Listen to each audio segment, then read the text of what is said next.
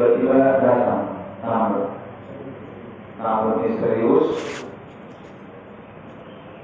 kalau diceritakan oleh Sayyidina Abdul Fakok beliau meriwayatkan Bainama nahnu inda Rasulullah sallallahu alaihi wasallam Irtola alaina arjulun syadidu bayar ziyad Syadidu sawal sa'ar La yura alaihi atar safar wala la minna ahad ketika kita lagi duduk-duduk bersama Rasul, tiba-tiba datang Rajulun Syadidu Bayar Riziyah.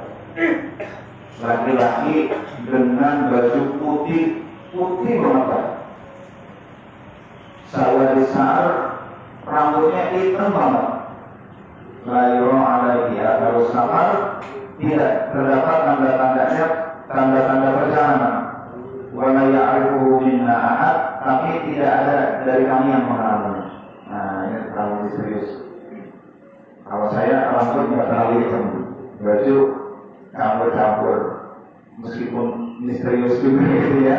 Artinya baru tahu lah, baru tahu. Nama saya Abdul Latif, uh, Abdul Latif saja ya, uh, Abdul Latif dari Bintara, Bekasi Barat. Lalu kita lanjutkan. Lalu saat ada bataihi ila bataihi. Saya bacakan hadisnya rekamnya dulu. Pas ada bataihi ila bataihi lalu ia tempelkan lututnya dengan lutut Nabi. Wajah ada kafalu ala makilaihi jadikan tangannya itu nempel tangan Nabi. Jadi duduknya begini kayaknya. Tangannya nempel Lututnya sampai nempel. Kata Sayyidina Umar, ini siapa lagi? Ini kita sahabatnya, kita hidup sama beliau. Eh, ini datang-datang main nempel aja. Nah, lalu dia bertanya, Ya Muhammad, akhirnya adil Islam. Wahai Nabi Muhammad, wahai Muhammad gitu ya. Dia tidak menyebut ya Rasulullah. Ya Muhammad, akhirnya adil Islam. Jelaskan padaku tentang Islam. Lalu Rasulullah Shallallahu Alaihi Wasallam menjelaskan al Islamu anta syahada alla ilaha illallah wa anna Muhammad Rasulullah wa tuqima shalah wa tu'tiya zakat wa tasuma Ramadan wa tahujja wa tahujja al-baita ini sama tak ilahi sabillah. Islam itu disebutkan oleh Nabi di lima ya, syahadat, sholat, puasa, zakat dan juga haji. Lalu kalau tadi berkata sholat mau benar. Kata Sayyidina Umar dalam hati ini, ini nanya giliran dijawab, dia mau membenarkan. Apa dia lebih tahu dari Nabi, gitu kan? Lalu dia bertanya lagi, akhirnya adil iman, jelaskan padaku tentang iman.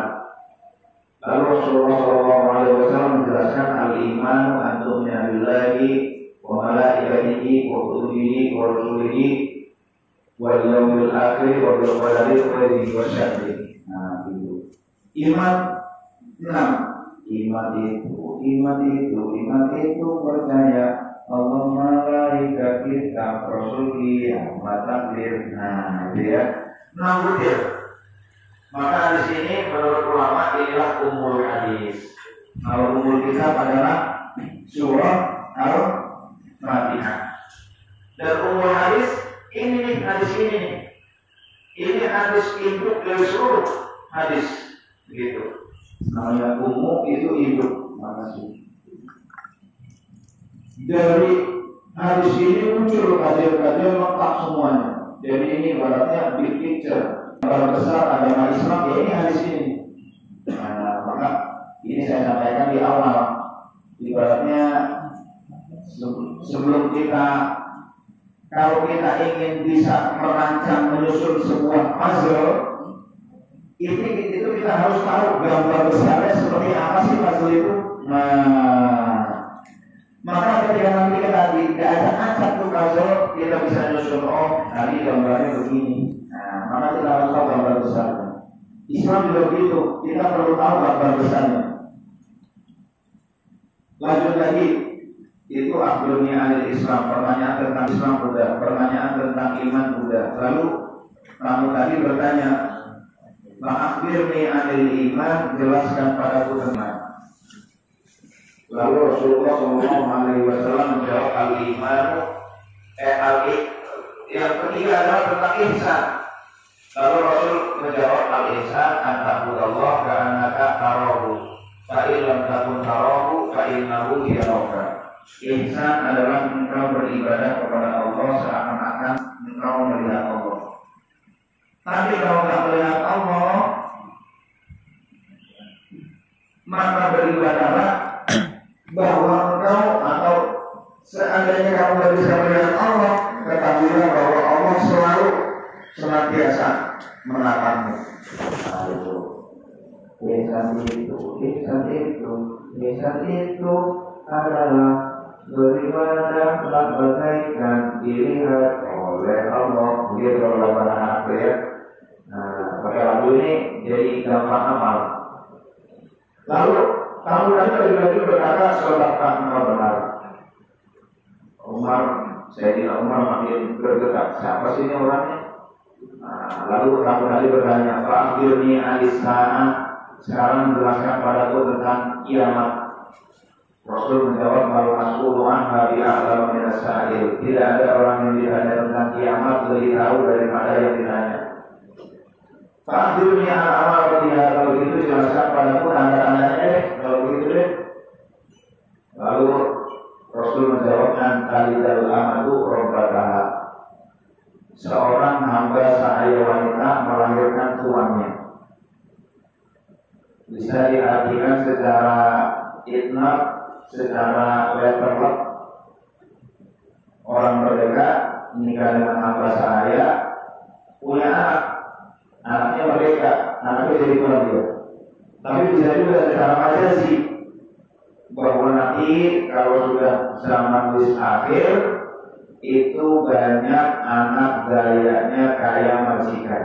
Nah kan itu ungkapan kalau orang tua kaya anak jadi baca. Kalau anak yang kaya orang tua jadi bantu membantu buka. Ya Allah, ada yang lebih beda. Ada, ada banyak. Banyak. Banyak ya. Berarti zaman wis akhir. Zaman ini udah dari dulu aja udah asli ya, udah asal. Ini lah bermandut nih, keadaannya nih.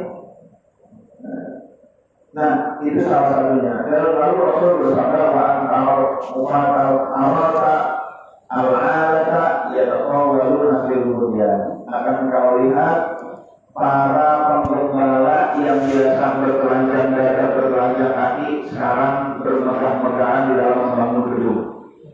Para ulama menganggap kok ini tanda-tandanya dulu orang-orang Arab isinya penggembala telanjang dada, telanjang kaki. Kalau kita umroh itu mereka cuma pakai bawa luar tuh.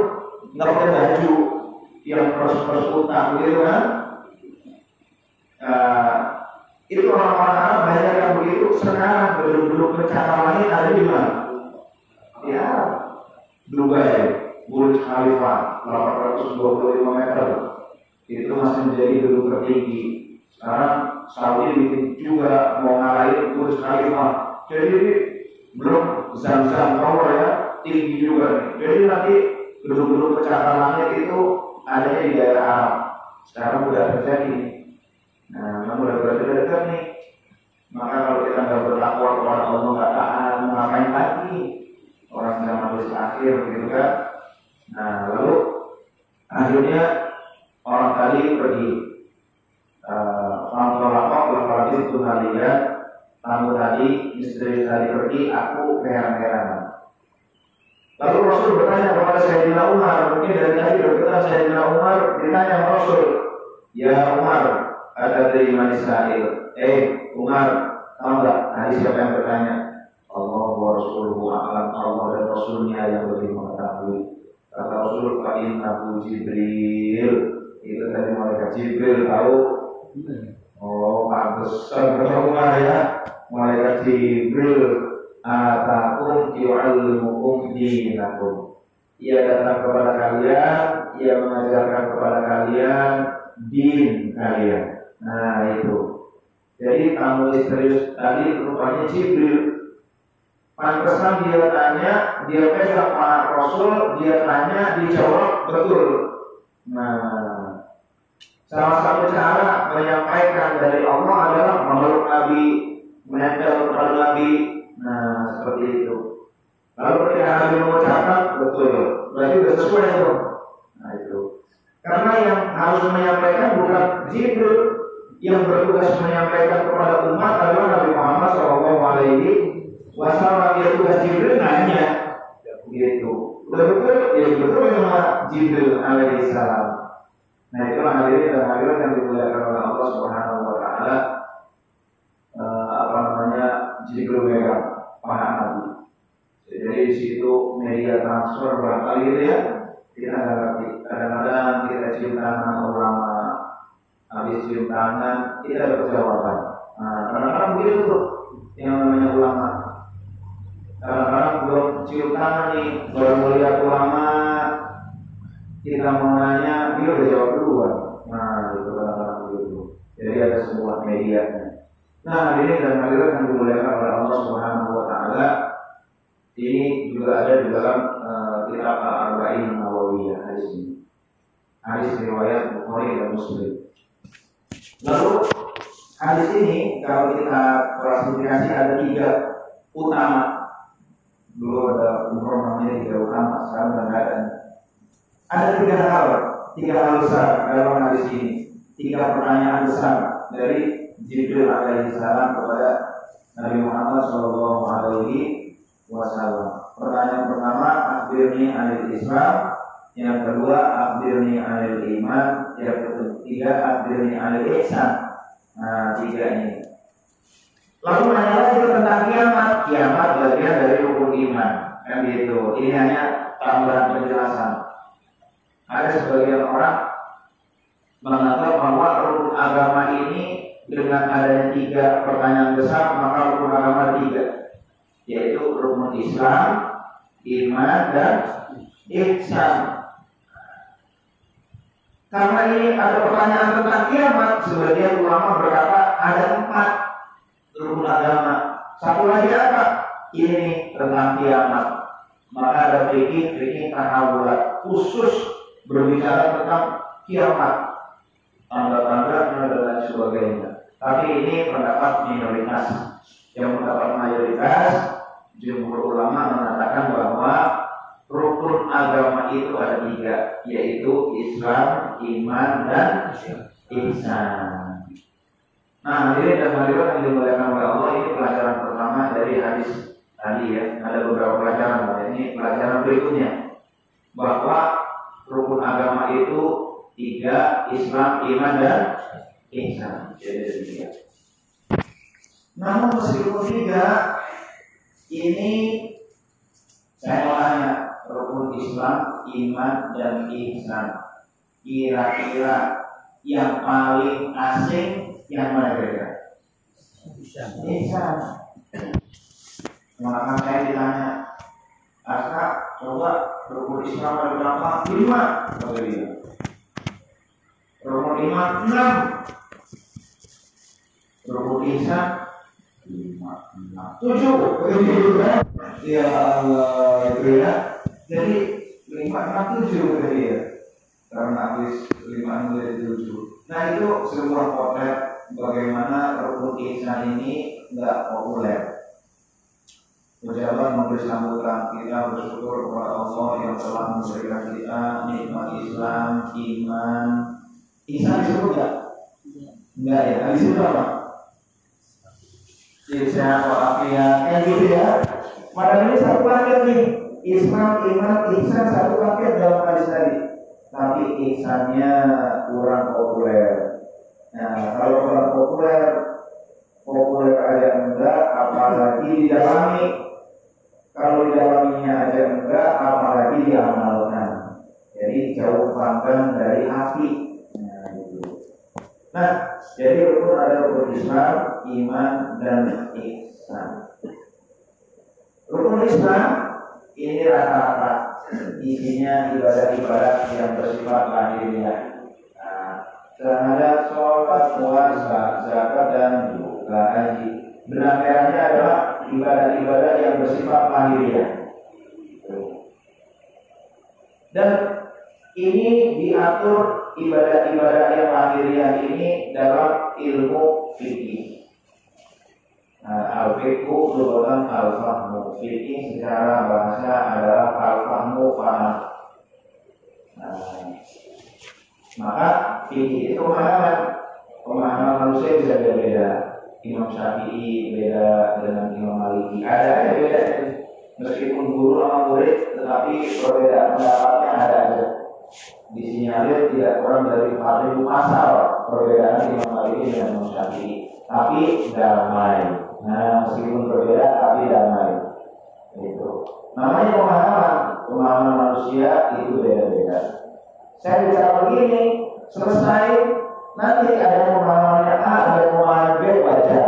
Namanya pemahaman manusia. Fikih itu pemahaman pemahaman uh, yang tadi saya sampaikan merah dari rukun Islam itu ibadah-ibadah lahiriah. Maka ilmu yang membahas rukun Islam itu adalah ilmu fikih. Nah ini. Setinggi ilmu fikih cuma sampai lahirnya, tidak sampai jadinya. Nah, yang kedua, rukun iman.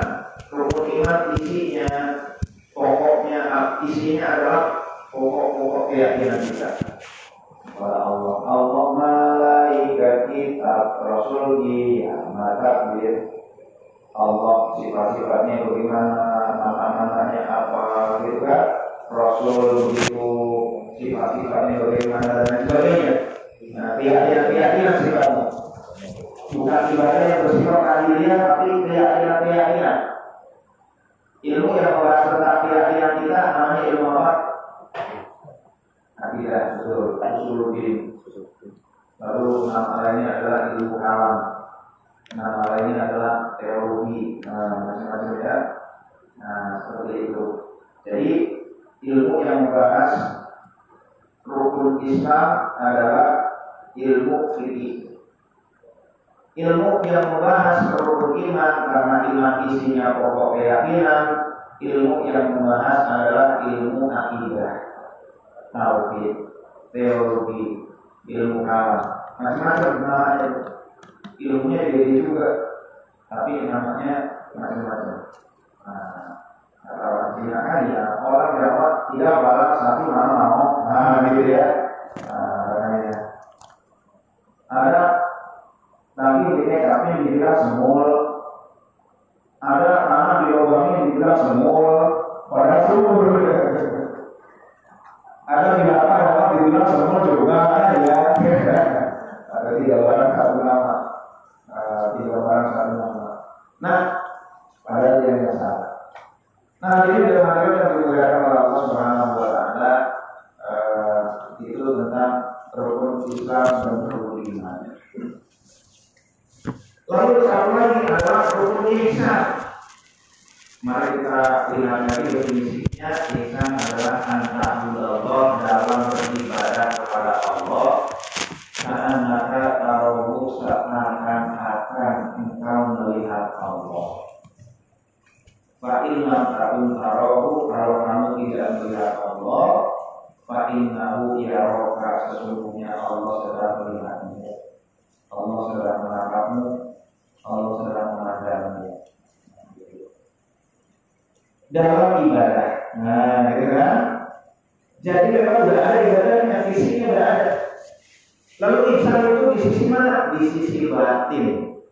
Seakan-akan kita melihat Tidak bisa, Fa'inahu ya roka, sesungguhnya Allah sedang melihatmu, sedang memandangmu, sedang menatapmu. Itu aspek batin lebih kepada aspek batin rukun ihsan.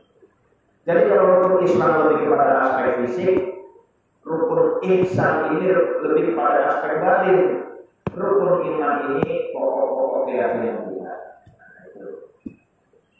Maka di dalam surat uh, Luqman ayat 20 wa asbaru alaikum ni'amahu zahiratahu wa batinah Allah menyempurnakan nikmatnya lahir dan batin manusia terdiri dari lahir dan batin. Dosa ada dosa lahir, ada dosa batin. Dosa lahir mukul orang, dosa batin suudon. Nah, suudon. Ini dosa lahir. Nah, kita lanjutkan. Jadi ibadah ada lahir, ada batin. Dosa ada lahir, ada batin. Sholat juga begitu, ada lahir, ada batin. Secara lahiriah sholat diatur dalam ilmu fikih. Oh ya tadi udah ya eh, ilmu yang membahas rukun Islam. Rukun Islam isinya ibadah lahiriah, ilmunya namanya ilmu fikih. Rukun iman isinya pokok keyakinan, ilmunya ilmu akidah tauhid. Rukun ihsan isinya ibadah batin, ilmunya ilmu ya akhlak bisa tapi lebih tepatnya tasawuf. Nah, ilmu batin, ilmu batin. Ada yang mengatakan azhur dua rokoi, dan apa namanya rokoi kelembutan kelembutan mati. Ada yang menyebut ilmu yang membahas batin dengan istilah tazkiyatun nafs. Nah, pernah ya? Tazkiyatun nafs, pembersihan jiwa. Macam-macam. Jadi ulama ini menyebutnya tazkiyatun nafs. Ulama ini menyebutnya azul dua rokoi. Ulama ini ini lebih tidak populer lagi nih. Zul dua rokoi lebih tidak populer lagi. Yang paling populer istilahnya adalah tasawuf. Nah, Buya Angka pakai istilah tasawuf. Imam Ghazali dua-duanya dipakai juga tazkiyatun nafs bisa, tasawuf juga bisa. Intinya ilmu yang membahas amal batin. Nah, contoh kalau dalam dalam kitab-kitab fikih itu sholat itu sholat itu lugotan doa sholat secara bahasa adalah doa secara syarat adalah akwalun wa af'alun muftatahatun bil takbir wa muftatahatun bil taslim bi arkanin wa syara'i takbir ya dalam bahasa ini mudah-mudahan nggak salah itu pelajaran dulu waktu di pesantren Sholat adalah akwalun ucapan-ucapan. Kaul-kaul. Wa af'alun dan perbuatan-perbuatan. Maksusotun yang khusus. Muftahatun di takbir, diawali dari takbir. Wa muftahatun di taslim, diakhiri dengan salam. Nah, biarkan wa syarat itu dengan rukun dan syarat. Rukun dan syarat itu, ini kalau saya bahas jadi lebih panjang lagi. Enggak saya bahas deh apa itu rukun, apa itu syarat itu bahasan ilmu fikih ya. Nah jadi uh, kembali kepada definisi fikih bahwa sholat itu ucapan dan gerakan. Nah ya sangat fisik. Di sini nggak ada dalam definisi fikih ucapan dan gerakan dan ingat kepada Allah nggak ada. Nah definisi fikih ya ucapan dan gerakan dan kehusuan nggak ada ucapan dan gerakan dan keikhlasan, kesabaran, ucapan dan gerakan dan hudurul qalbi, hadirnya kalbu enggak ada. Dalam fikih sementok-mentoknya fikih itu ya ucapan dan gerakan. Nah, itu. Jadi kalau kita hanya mempelajari ilmu fikih, maka kita mempelajari ibadah secara fisik saja. Nah, maka dalam ilmu fikih orang katakanlah sholat di dalam sholat Rahman, gitu kan? Rumahnya sendarnya sendal kulit, harganya tiga ratus ribu. Beli di Singapura, katakanlah gitu ya. Nah, Singapura masih saudara Singapura. Nah, nah lalu sholat Allah Akbar ketika sholat bacaannya benar Bismillahirrahmanirrahim. Alhamdulillahi rabbil alamin. Ar-Rahmanir-Rahim. Maliki yaumiddin. Iyyaka na'budu Lagi enak-enak sholat berdua kan sama. Sholatnya di teras di. Lalu diingat, iya itu saya ada sendal tuh. Wah, bagaimana tuh ya? Itu udah hilang apa ini? Nah, gitu. bacaan lalu dia Allah Akbar Sami Allah hamidah tumaninanya benar bacaannya dari awal sampai akhir benar minimal bacaan yang wajib di dalam sholat menurut mazhab Syafi'i itu ada empat. Takbiratul ihram membaca Fatihah tasyahud akhir salam. Minimal empat ini benar nih. Nah, maka dia hukumnya udah harus baca apa yang penting dia cepat gitu ini juga sekedar subhanallah, sekedar gitu panjang subhanallah. Wah, ini harus segera masuk lagi kerja karena begitu. Nah. Dia cepet-cepet dia. Dia sholat tapi dia mikirin pekerjaan. Kalau ibu mikirin masakan, gitu kan? Laporan pertanggung jawaban ini pekerjaan sudah selesai belum, barang hilang apa enggak, rumah belum dikunci dan lain sebagainya. Tapi ucapannya benar, gerakannya benar, sholatnya sah nggak kira-kira? Sah ya? Sholatnya sah. Nggak usah sholat lagi dia. Tapi khusyuk nggak dia? Nggak khusyuk. Sah itu bahasan fikih, khusyuk itu bahasan tasawuf. Nah, jadi begitu biar jelas ya. Nah, jadi sah itu ukurannya adalah ukuran ukuran akhirnya. Ucapan benar, gerakan benar, sah. Yang penting itu. Tetapi apakah dia khusyuk apakah dia ingat kepada Allah, apakah dia ikhlas sholatnya? Itu nggak dibahas dalam ilmu fikih. Bayangin kalau rukun kita nggak pakai rukun ihsan, nggak pakai ilmu tasawuf, yang dialami fikih aja. Sampai yang namanya ilmu fikih kalau dialami itu nggak selesai selesai. Sampai kita mati ilmu fikih belum selesai itu kita bahas tuh mati hidup lagi, mati hidup lagi, belum selesai juga. Orang fikir itu banyak, gitu kan? Menurut uh, Profesor Said Agil Hussein Munawar, nggak usah ilmu fikih, ilmu kiroat, cara membaca Quran. Kalau kita umurnya 200 tahun nggak akan cukup, kata Said Agil Hussein Munawar. Masya Allah, itu dalamnya ilmu Islam. Beliau buku tentang Quran. Aja satu tak buku tentang Quran yang dibawa ke namanya itu museum Quran. Ini Quran kamu kapan ini Quran tahun kapan dan lain sebagainya. Ini wah luar biasa. Nah jadi kembali kepada ilmu fikih. Fikih itu membahas ibadah lahir. Zakat sodako nisabnya, bagaimana haulnya, bagaimana jumlahnya berapa, itu urusan fikih.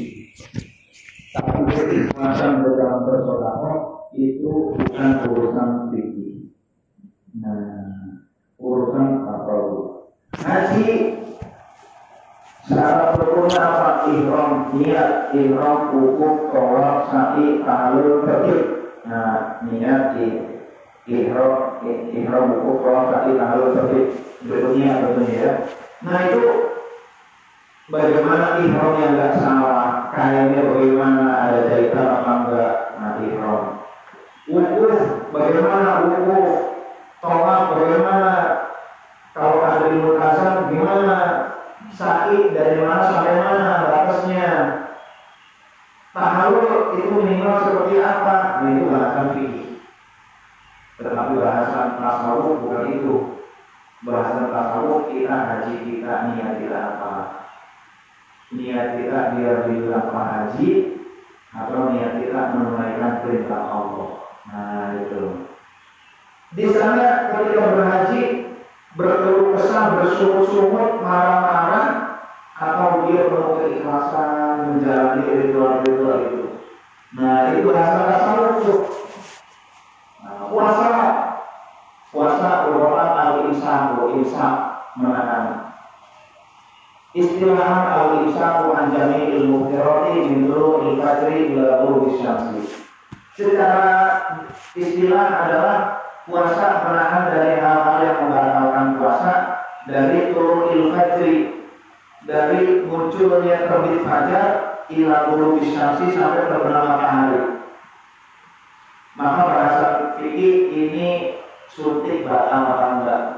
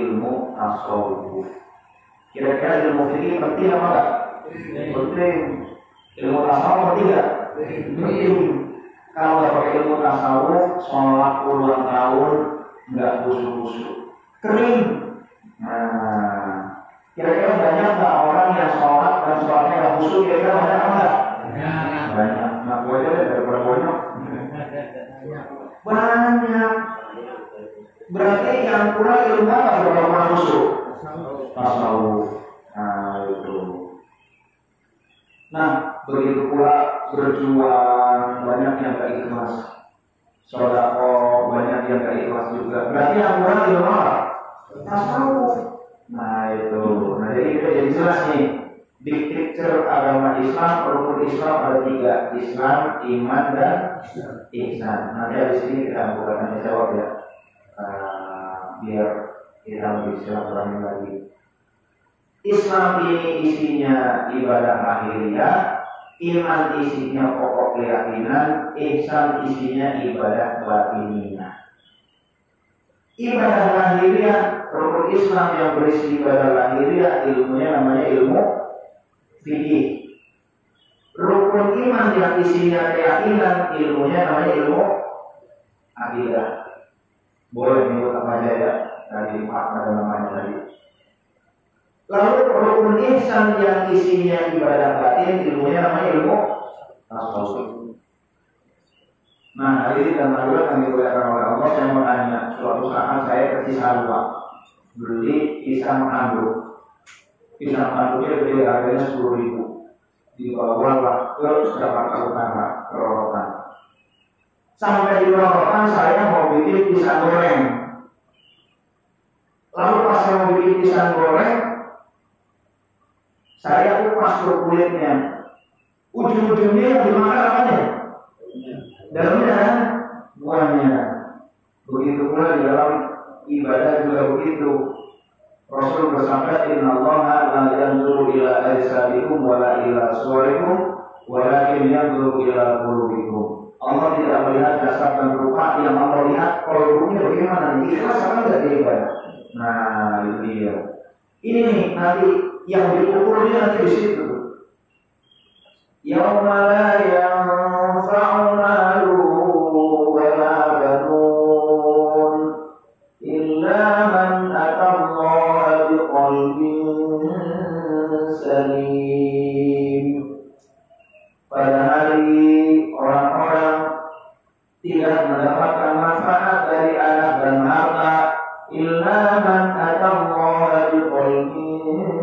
salim yang paling bermanfaat adalah kolbu yang selamat.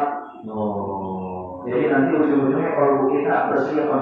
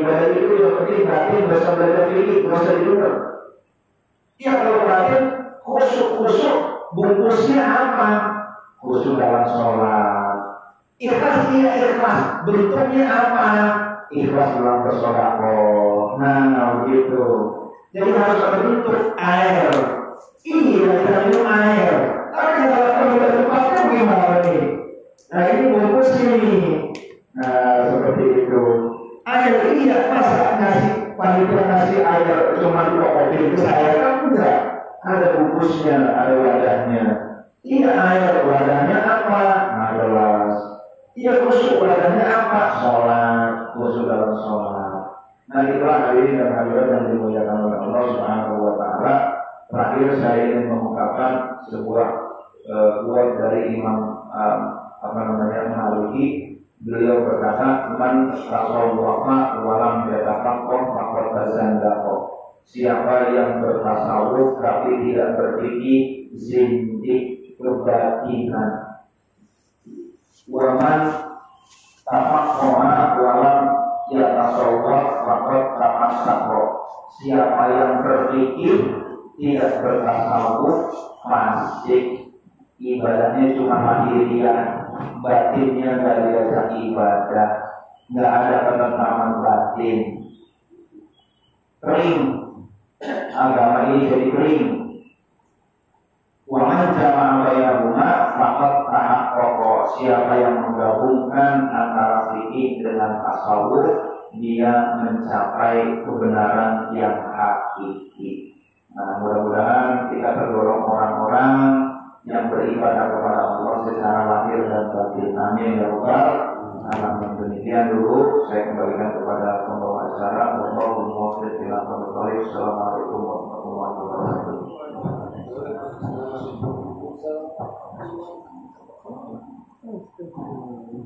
Alhamdulillah jamaah sholat subuh sholat aman yang punya Allah. Jadi telah sama-sama kita dengarkan. Nasihat-nasihat dari guru kita. Maka yang terakhir ini ada poin sesi tanya jawab. Boleh yang mau menanyakan kepada guru kita? Cukup ditulis pertanyaannya nanti dibacakan. Langsung boleh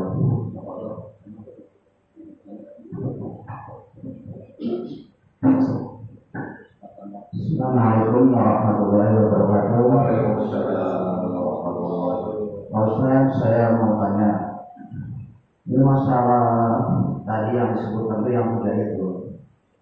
Pada dasarnya kan semua itu dari Al-Quran dan Sunnah itu. Hmm. Ada masa awalnya kan itu pemilihan ilmu-ilmu itu tidak ada ada. Itu Quran Sunnah turun, ya kita kerjakan sesuai di situ ada unsur fikihnya, tasawufnya dan segala macamnya. Nah yang kedua, saya sebetulnya ya tertarik juga tentang tasawuf ini. Cuman kadang-kadang ini tasawuf itu kurang populer karena bukan karena kita nggak ini sering sekali batasan itu agak sulit. Kamu ada-ada, pun dalam amalnya, nah itu mungkin bisa dijelaskan ada batasan-batasan kan dalam memahami tasawuf itu. Demikian, Assalamualaikum warahmatullahi wabarakatuh. Waalaikumsalam ya.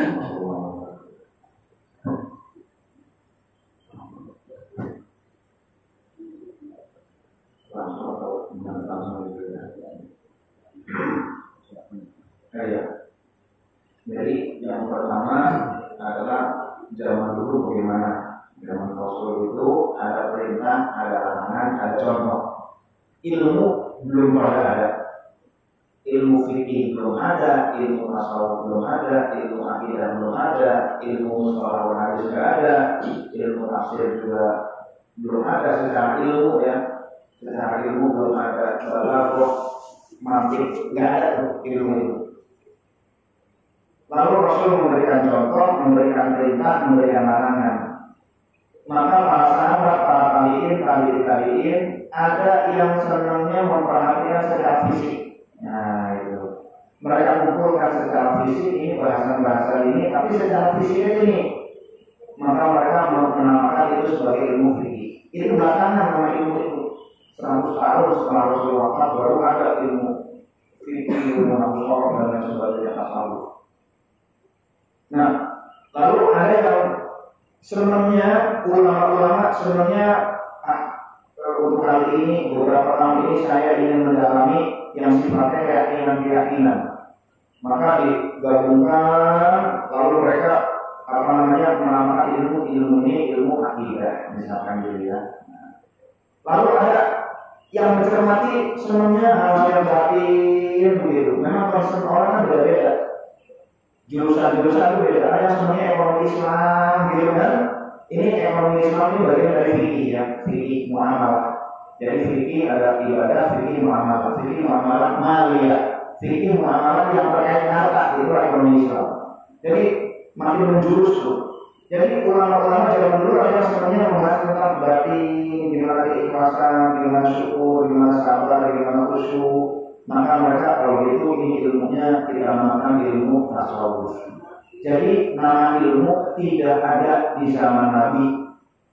Prakteknya Nabi lah yang mencontohkan. Nah, ini ya. Jangan belajar tasawuf. Tasawuf nggak ada di zaman Nabi. Cari ribuan hadis ada nggak perintah untuk belajar tasawuf? Nggak bakal ada karena ilmu itu namanya belakangan. Nah, gitu kan? Nabi sholat, mau sholat, eh, mau mau, ber, mau berangkat, sholat dulu. Ulama menyebutnya sholat safar. Nah, misalkan gitu ya, ya itu masih dekat-dekat gitu. Ilmu itu jauh 100 tahun, 200 tahun setelah Rasulullah wafat, mereka akhirnya terkelompok-kelompok, mereka akhirnya eh, apa namanya konsentrasinya beda-beda, terasa tuh yang ini fikih, yang ini konsentrasi tasawuf, lalu mereka membahas mendalami, lalu mereka membuat e, penamaan dari ilmu-ilmu itu. Nah, jadi kalau nggak boleh tasawuf, dasarnya apa? Karena nggak ada di dalam hadis perintah membuat mempelajari tasawuf. Kalau memang tasawuf penting, pasti ada hadisnya. Belajar fikih ada hadisnya. Nggak ada. Jadi belajar ilmu akidah ada nggak? Belajar ilmu nafsu ada nggak hadisnya? Nggak ada. Tapi semua itu dalam rangka kesempurnaan Islam. Nah, jadi Rasul memberikan contoh, memberikan perintah, memberikan larangan, contoh yang terkait batin, perintah yang terkait batin, larangan yang terkait batin, ulama mengkategorisasikan itu sebagai ilmu tasawuf. Ini yang pertama. Jadi ketika ada yang beranggapan jangan belajar tasawuf karena tidak ada di zaman Nabi, ini argumentasi ini terpelak, gitu ya. Sama dengan kalau usah belajar fikih karena argumentasinya sama. Yang kedua, betul sekali yang bapak sampaikan, eh, banyak orang tertarik tasawuf, tetapi tasawuf sendiri kadang-kadang pengamalnya mencoreng wajahnya sendiri gitu ya. Nah. Jadi ada dua penyebab tasawuf tidak populer di Indonesia. Oh, kalau kalau di di apa namanya dunia Islam yang lain-lain tasawuf populer kecuali di Saudi dan Indonesia. Nah, di Turki ya populer sana. Di apalagi di daerah Afrika ya itu sangat populer dan di Mesir dan lain sebagainya. Nah, di Indonesia penyebabnya apa? Yang pertama ada nasihat resmi setelah programnya kepada kolonial Belanda. Kalau kita mau awet menguasai Indonesia, syaratnya dua. Pertama, hindarkan rakyat Indonesia ini dari pan-Islamisme. Yang kedua, hindarkan mereka dari tasawuf. Oh. Dasarnya apa? Pertama, pan-Islamisme ini bahaya. Jangan sampai mereka okupasi Islamiyah nih. Dia mereka kerajaan-kerajaan aja. Loyalitasnya dia kesusahan. Loyalitasnya kepada kerajaan. Jangan sampai mereka okupasi Islamiyah kuat bahaya. Nah ini yang pertama. Kalau mereka okupasi Islamiyah kuat, habislah kita. Mereka bersatu, habis kita. Dia mereka dalam suku-suku, dalam organisasinya masing-masing. Loyalitasnya. Dia jangan sampai mereka loyalitas kepada persatuan Islam. Ini yang pertama. Yang kedua, ternyata menggerak perlawanan terhadap Belanda itu dilakukan oleh para sufi. Pangeran Diponegoro, Syekh Yusuf Al-Makassari, Sultan Hasanuddin Banten. Ini pergerakan yang merepotkan Belanda. Ternyata dipimpin para sufi. Ini kenapa begitu? Seperti Abu Rusia Hashim Ash'ari mau melakukan perang tunduk tunggu kiai dari Buntet. Nah, kiai Abbas ternyata. Kiai Abbas senjatanya apa? Dia kerikil. Dia melakukan karim itu kapal. Wah, mereka nggak ngerti gimana. Itulah orang-orang tasawuf. Orang yang batinnya berikhlas. Dekat kepada Allah, doanya makbul. Nasrul min Allah. Betul-betul pertolongan dari Allah. Itu yang ditahui. Silakan deh mereka yang penting jangan bertasawuf. Kalau bertasawuf ikhlas, ikhlas mereka dapat pertolongan. Nah, jangan sampai begitu dan orang tasawuf itu loyalitas kepada guru. Kalau guru berikan zina, ini udah udah memikir Nah itu yang bahaya. Jadi dua ini harus disingkirkan. Nah ini yang pertama. Yang kedua, yang kedua sikap pengamal tasawufnya yang tidak sesuai Quran dan Sunnah. Nah ini ada ada ada. Tetapi bad news is good news. Berita buruk itu adalah berita baik. Gara-gara elastitik rusak susu sebelah. Gara-gara yang nggak bagus sedikit, yang lain ikut ternoda. Begitu. Ada nggak yang sesat? Ada gara-gara bertasawuf sholat ada nggak? Ada. Banyak, ya banyak, banyak tidak ya? Ada. Ada. Ada nggak yang gara-gara bertasawuf jadi? Ada. Biasanya nyampur bertasawuf sambil berdukun. Ini semua nih. Yang satu membersihkan, yang satu membersihkan. Dia dua-duanya didisiplinkan. Ini proses di sini. Saya tulis ini. Bentuk proses ini ini dua-duanya disiplinkan ya selesai ya nah itu. Hanya kalau sudah dipaksain seperti itu. Dua-duanya jalan-jalan nah jadi ada yang konsep? Ada. Yang gila ada. Yang gara-gara sholat? Ada. Tapi itu sedikit dan sedikit itu beritanya ramai biasanya yang tahu benar malah ngomong kadang-kadang. Gitu. Katanya kiai itu bertasawuf kiai itu bertasawuf nggak ngomong yang baik-baik, kok hebat banget dia ikhlas, kok Ustaz Somad hebat banget dia, pikir rofiknya luar biasa, ternyata itu bertasawuf. Nah, seperti itu. Tetapi ketika ada sedikit, itu dua hari lebaran bedanya, gitu kan, di Sumatera Barat. Nah, di dalam tasawuf itu ada yang sudah dicoret. Nah, ada yang sudah dicoret, sebagian sudah tidak sesuai dengan Quran dan Sunnah. Tapi yang sesuai masih sangat banyak. Nah, jadi jangan karena hal yang kecil. Ada orang Islam sebenarnya mencuri. Kita tegur orang Islam mencuri bukan oknum. Nah, Jangan sampai kita membenci Islam gara-gara ada orang Islam yang mencuri. Nah, seperti itu kurang lebih ilustrasinya betul sekali ada dan itu betul mencoreng nama baik tasawuf. Tetapi mari kita tetap ber apa namanya positive thinking, berobjektif itu oknum. Tetapi ulama-ulama seperti yang tadi disebutkan, Syekh Yusuf Makosari, Pangeran Diponegoro, Muhammad Al-Fatih, Solahuddin Al-Ayubi, itu mereka adalah para sufi. Nah, jadi jadi lebih ulama-ulama kita juga. Allah a'lam. Alhamdulillah, Pertanyaan yang kedua adalah jamaah mohon penjelasan tentang sholat jamaah dan kosor dan hukum-hukumnya. Terima kasih.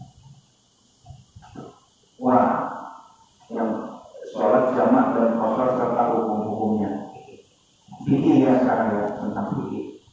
Nah ini uh, fikih ini mendapatnya banyak ya, mendapatnya banyak. Ada yang 80 km sudah mulai uh, jamak kosor. Dulunya dua peristirahatan kontak. Nah maka itulah oleh Imam Syafi'i. Kontak coba satu kontak lagi disurvei oleh Imam Syafi'i. Imam Syafi'i itu lembaga survei survei wali akhir berapa menit berapa hari tiga hari ini berapa lima wah sudah banyak ternyata maksimal 15 hari jadi ambil survei Imam Syafi'i itu oh ambil survei? Bukan yang sudah dua kali beristirahat kontak berapa sih? Lagi-lagi kontak lewat dua kali beristirahat kontak oh segitu akhirnya diukur itu 80 km nah maka ketika sudah 80 km maka kita boleh jamak dan kosong. Sifatnya boleh. Tetapi di dalam sebuah kaidah ini dan diribut kesulitan itu bisa menghasilkan kemudahan. Pada dasarnya kesulitan itu bisa menghasilkan kemudahan. Dengan adanya zaman sekarang yang dulu sulit bisa mudah yang dulu mudah bisa sulit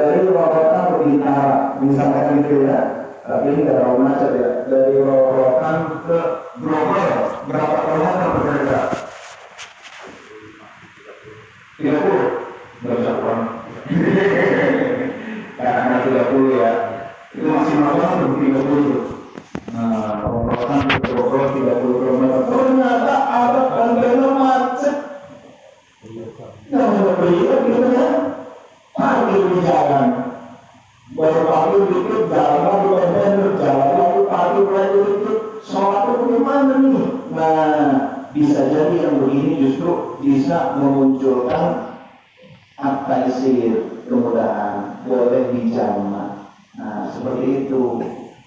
Jadi tidak kaku hukum Islam ini luas dan luas. Nah, unsurnya apa? Kenapa dibolehkan jamak? Karena adanya kesulitan. Kalau ada kesulitan tapi tidak jaraknya 80 km, boleh jamak. Tapi jangan kosor ya kalau bisa jamaknya saja. Karena kosor itu terkait dengan jarak. Jamak itu terkait dengan kesulitan. Nah, kurang lebih begitu. Nah, kurang nih baru 70 km, ya udah jamak saja kalau begitu. Nggak usah dikosor. Kurang lebih begitu ya batasan-batasannya. Terima kasih. Allah alam. Ini satu pendapat, pendapat lain banyak tentunya. Masih. Berikutnya, adakah cara kontrol dan mendapatkan kekhusyuan secara simpel untuk mendapatkan rasa batin saat menjalankan sholat sehingga nggak ingat yang lain. Iya. Terima kasih. Ada satu kata. Satu kata ini menjadi penentu kekhusyuan. Satu kata itu bukan paham, bukan. Kalau paham penentu kekhusyuan, orang Arab khusyuk semua. Ustaz khusyuk semua. Bukan paham. Satu kata itu tertera di dalam surah Al-Ankabut ayat 14. Akimis sholata lirik dirikan sholat untuk ingat kepada aku kata Allah maka satu kata itu adalah zikir nah ingat itu zikir yang bersifat batin di dalam kolbu itu ingat ya. Nah, zikir ada dua, zikir jahri, zikir yang nyata, zikir pada lisan. Yang kedua, zikir khofi, zikir yang ada di dalam batin, itulah ingat kepada Allah. Maka agar kita bisa sholat khusyuk, kita harus bisa zikir yang khofi yang ada dalam kolbu. Ini nih, kalau kita bisa zikir khafi, insya Allah sholat kita khusyuk. Selama sholat ketika zikir khafinya itu terus ingat kepada Allah, berarti sholatnya khusyuk. Ketika mulai nggak ingat kepada Allah, ingatnya makanan, ingatnya kerjaan, ingatnya pasar, maka saat itu sholatnya nggak khusyuk. Nah, jadi indikator khusyuk itu satu ingat Paham itu biar ingat. Paham isi kandungan sholat biar kita ingat. Nah, ujung-ujungnya ingat kepada Allah dan itu pikir khofi. Bagaimana cara pikir khofi? Setelah yang satu ini. Nah, insya Allah akan ada sesinya. Kira-kira penting nggak bisa pikir khofi? Kira-kira penting apa enggak? Penting. Ya Allah. Dia bentuk kekhusyukan bukan bentuk tentunya adalah Allah ya. Dia faktor indikator kekhusyukan itu dikir dikir khafi kalau kita bisa tuh masya Allah itu nikmat hidup kita tuh. Detik demi detik kita pahala mulu isinya tuh. Masya Allah. Ketika dikir di akhirat coba nih orang rorokan pas diklik nik mana nih nik bermaksud gue eh masih lalu diklik kalau mereka uh, kaget mereka kamu biasa aja kan iya tinggal di rusun iya soalnya biasa iya orangnya sebenarnya iya saya setiap titik saya selalu zikir kepada Allah Subhanahu wa taala. Masya Allah. Wah, kesan paling banyak. Nah, itu zikir kopi penting. Insya Allah pada kesempatan yang akan datang, mudah-mudahan kita bisa mendapatkan pembelajaran zikir kopi. Amin ya Rabbal Alamin. Yang terakhir dari Bapak Kemet, adakah definisi tasawuf itu? Iya, definisi tasawuf. Iya, definisi tasawuf itu banyak. Ada mendefinisi tasawuf menjadi tiga huruf. Kho, ha, jim. Kho itu takholi, tahali, tajalli. Takholi artinya membersihkan, membersihkan kolbu, tahali seperti isi dengan sifat-sifat baik tajalli